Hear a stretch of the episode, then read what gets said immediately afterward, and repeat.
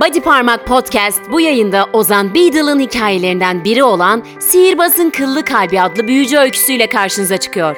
Siz de bir Potter kafaysanız bu yayını kaçırmamanızı salık veririz. Sevgili cadılar, değerli büyücüler, kıymetli cin cüceler ve bilimum zevat. Body Parmak Podcast'e hoş geldiniz. Ben mimandarınız Burçin Yalçın. Bu yayındaki misafirliğiniz boyunca sizlere eşlik edeceğim. Body Parmak Podcast, J.K. Rowling'in büyücülük dünyası hakkındaki her şey ama her şey üzerine sohbet etmek hususunda iddialı bir podcast yayınıdır. Bu özel yayında sizlere Sihirbazın Kıllı Kalbi adlı sihirli öyküyü aktaracağız. Devamında Batuhan Yalçın'ın sesinden Albus Dumbledore'un bu öyküye dair özel notlarını sizlerle paylaşacağız. Body Parmak Podcast Ozan Beadle'ın hikayeleriyle karşınızda. Buyurun efendim.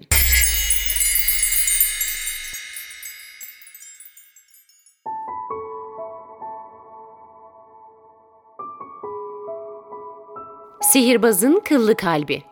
Yazan Ozan Beadle. Eski harflerle yazılmış aslından çeviren Hermione Granger. Bir zamanlar yakışıklı, zengin ve yetenekli genç bir sihirbaz varmış.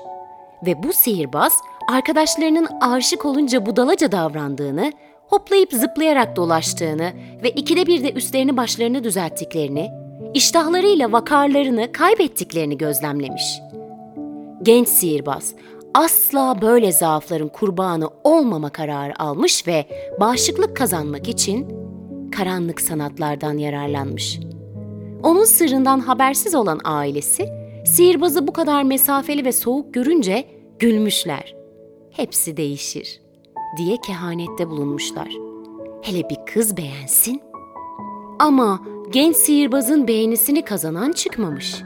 Kibirli yüzü pek çok kızın ilgisini çektiği ve onu hoşnut etmek için en incelikli sanatlarını kullandıkları halde hiçbirisi kalbine dokunmayı başaramamış. Sihirbaz kayıtsızlığının ve bunu mümkün kılan basiretinin zevkini çıkarmış. Gençliğin ilk tazeliği azalmış ve sihirbazın akranları evlenmeye başlamış.'' Sonra da çocuk sahibi olmuşlar. Çevresindeki genç anne babaların maskaralıklarını izlerken kalpleri kabuklaşmış olmalı diye içten içe alay etmiş. Bu miyavlayan veletlerin talepleriyle büzüşmüş olmalı. Bir kez daha kendini daha önceki seçiminin bilgeliği için tebrik etmiş. Bu arada sihirbazın yaşlı annesiyle babası ölmüş. Oğulları yaslarını tutmamış. Tam tersine bunun kendisi için bir lütuf olduğunu düşünmüş.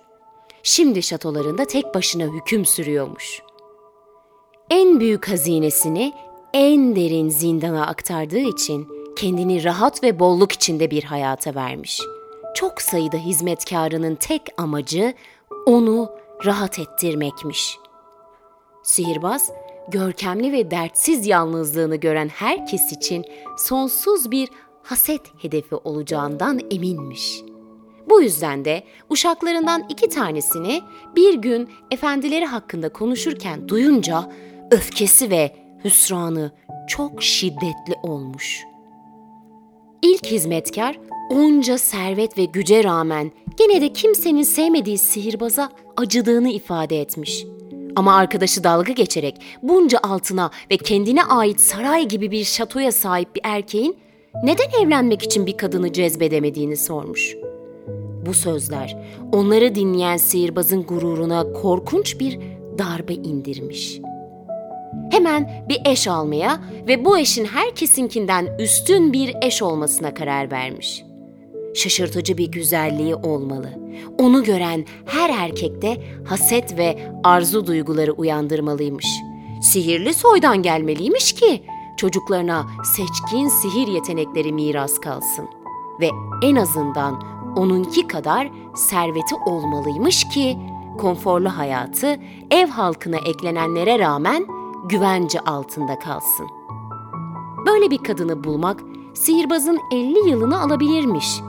Ama işe bakın ki onu arama kararı verdiğinin tam ertesi günü her istediğine uygun bir kız akrabalarını ziyaret etmek için civara gelmiş.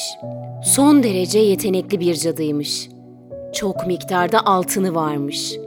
Güzelliği onu gören her erkeğin kalbini çelecek bir güzellikmiş. Yani biri hariç her erkeğin. Sihirbazın kalbi hiçbir şey hissetmemiş. Gene de aradığı hazine oymuş. Bu nedenle ona kur yapmaya başlamış. Sihirbazın davranışlarındaki değişikliği fark eden herkes hayret etmiş ve kıza yüz kişinin başaramadığını, kendisinin başardığını söylemişler.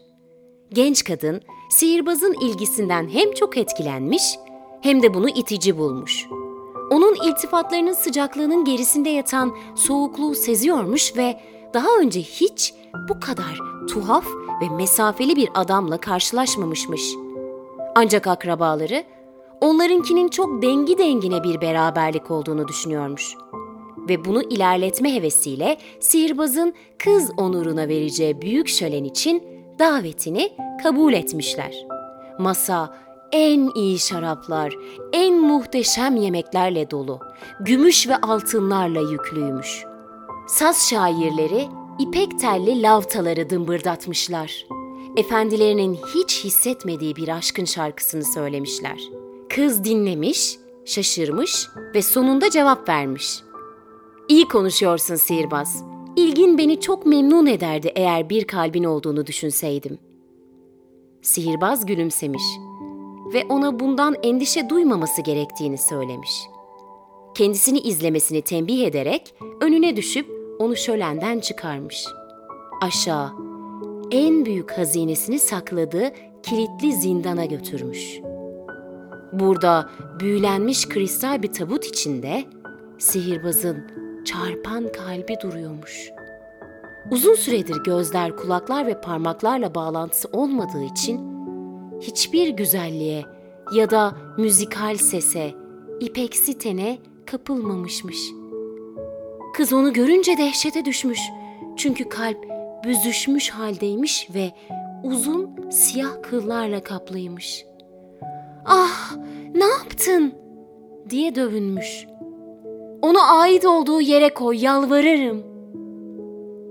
Kızı memnun etmek için bunun gerekli olduğunu anlayan sihirbaz, asasını çekmiş ve kristal tabutun kilidini açmış.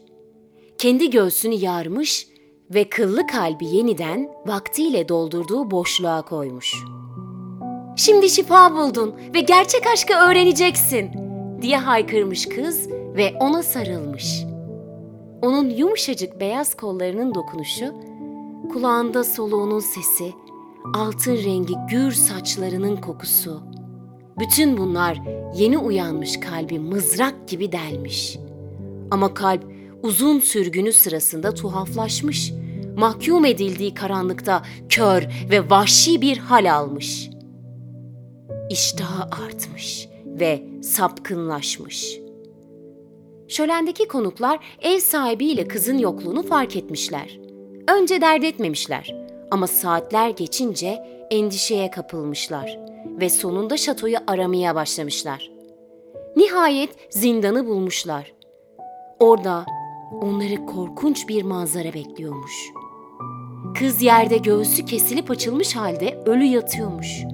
Yanındaysa deli sihirbaz çömelmiş, kanlı elinde tuttuğu, yalayıp okşadığı kıpkırmızı kalbi kendisininkiyle değiştirmeye yemin ediyormuş. Öteki elinde asasını tutmuş, kendi büzüşmüş kıllı kalbi göğsünden çıksın diye ona dil döküyormuş.''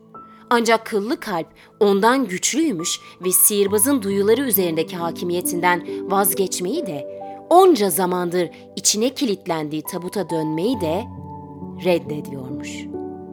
Konukların dehşet dolu bakışları altında sihirbaz asasını bir yana atmış ve eline gümüş bir hançer geçirmiş.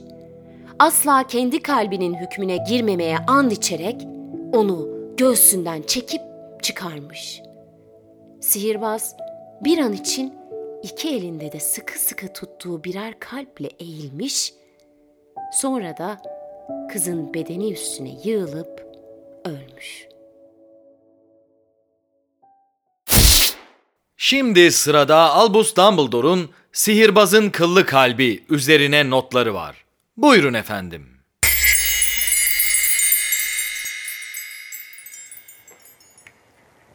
Daha önce de gördüğümüz gibi Biddle'ın ilk iki hikayesi cömertlik, hoşgörü ve sevgi temaları yüzünden eleştirilmişti. Sihirbazın kıllı kalbi ise ilk yazıldığından bu yana geçen yüzlerce yıl içinde değiştirilmiş ya da fazla eleştirilmiş gibi görünmüyor.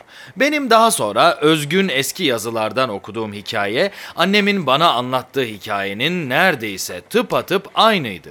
Bu bir yana sihirbazın kıllı kalbi Biddle'ın hikayeleri arasında açık farkla en dehşet verici olanı ve birçok anne baba çocuklarının kabus görmeyecek kadar büyüdüklerini düşünmedikçe bu hikayeyi onlarla paylaşmaz. Öyleyse bu tüyler ürpertici hikaye niye varlığını sürdürmüş? Ben sihirbazın kıllı kalbinin yüzyıllar boyunca el değmeden kalmış olmasını hepimizin derinliklerindeki karanlıktan söz etmesine bağlıyorum. Sihrin en büyük ve en az kabul edilen akıl çelici taraflarından birine hitap ediyor. Yaralanmazlık arayışı. Elbette ki böyle bir arayış budalaca bir fanteziden farklı değildir. Hayattaki hiçbir erkek ya da kadın ister sihirli olsun ister olmasın fiziksel, akli ya da duygusal incinmenin bir biçiminden kaçınamamıştır acı çekmek, nefes almak kadar insanidir. Yine de biz büyücüler varlığın doğasını istediğimiz gibi eğebileceğimiz fikrine pek eğilimli görünüyoruz. Örneğin bu hikayedeki genç sihirbaz aşık olmanın rahatı ve güvencesi üzerinde ters etkisi olacağına karar veriyor. Aşkı bir küçümseme, bir zaaf, insanın duygusal ve maddi kaynaklarını yiyip bitiren bir yük olarak görüyor. Elbette ki aşk iksirlerinin yüzyıllardır süren ticareti, kurmaca büyücümüzün aşkın önceden tahmin edilmeyen akışını kontrol etme arayışında yalnız sayılamayacağını gösteriyor. Gerçek bir aşk iksiri arayışı bugüne kadar sürmüştür. Ama böyle bir iksir henüz yaratılmamıştır ve önde gelen iksirciler de bunun mümkün olduğu konusunda kuşkudadır. Ne var ki bu hikayenin kahramanı istediği gibi yaratıp yok edeceği bir aşk taklidiyle bile ilgilenmiyor. Bir tür hastalık gözüyle baktığı şeyin ona ebediyen bulaşmamasını istiyor. Bu yüzden de bir masal kitabı dışında mümkün olamayacak bir karanlık sihir örneği gösteriyor. Kendi kalbini çıkarıp kilitliyor. Bu eylemle bir hortkuluk yaratmak arasındaki benzerlik birçok yazarın dikkatini çekmiştir. Gerçi Biddle'ın kahramanı ölümden kaçınmaya çalışmıyor ama açıkça bölünmemesi gerektiği belirtilmiş olanı bölüyor. Beden ve ruhtan ziyade beden ve kalbi ayırıyor. Ve bunu yaparken de Adalbert Waffling'in temel sihir yasalarının birincisini çiğniyor. En derin esrarları, hayatın kaynağını, benliğin özünü ancak aşırı ve tehlikeli türden sonuçlara hazırsanız kurcalayın. Ve elbette ki bu gözü kara genç adam insanüstü olmaya çalışırken kendini insanlık dışı hale getiriyor. Kaldırıp kilitlediği kalp yavaş yavaş büzüşüyor, üzerinde kıllar çıkıyor ve onun hayvanlığa doğru inişinin simgesi oluyor. Sonunda o da istediğini zorla alan, vahşi bir hayvana dönüşüyor. Artık ebediyen ulaşamayacağı bir şeyi bir insan kalbini yeniden kazanmaya yönelik beyhude çabası sırasında ölüyor. Biraz eskimiş olsa da kıllı bir kalbi olmak deyimi soğuk ya da hissiz bir cadı ya da büyücüyü tanımlamada büyücü dünyasının konuşma diline geçmiştir. Hiç evlenmemiş teyzem Monoria, sihrin uygunsuz kullanımı dairesindeki bir büyücüyle olan nişanını onun kıllı bir kalbi olduğunu vaktiyle keşfettiği için bozduğunu iddia ederdi. Oysa aslında onu birkaç jerk pareyi mıncıklarken yakaladığı ve bunu çok şoke edici bulduğu rivayet ediliyordu. Daha sonraları kişisel gelişim kitabı Kıllı Kalp, bağlanmaktan kaçınan büyücüler için rehber, en iyi satan kitap listelerinin tepesine yükseldi. Albus Percival Wulfric Brian Dumbledore Body Parmak Podcast'te bugün sizlere aşktan kaçan insanın burnunun hipogrif pisliğinden kurtulmayacağından bahsettik. hayatın çetin yollarından geçerken aşkın cesaretine ihtiyacı olanlara söyleyeceklerimiz bundan ibaretti. Siz Potter kafalar da sığ ve sahte ilişkileri taklit etmek yerine tuttunuz bizi dinleme inceliği gösterdiniz. Sağ olun, var olun efendim. Bize daima bodyparmak.com adresinden ulaşabilirsiniz. Gelecek yayınlarımızda da Harry Potter ve büyücülük dünyası üzerine sihirli sohbetler etmeye devam edeceğiz. Tekrar görüşünceye dek hoşçakalın ve unutmayın. Hogwarts'ta isteyen herkese yardım edilir.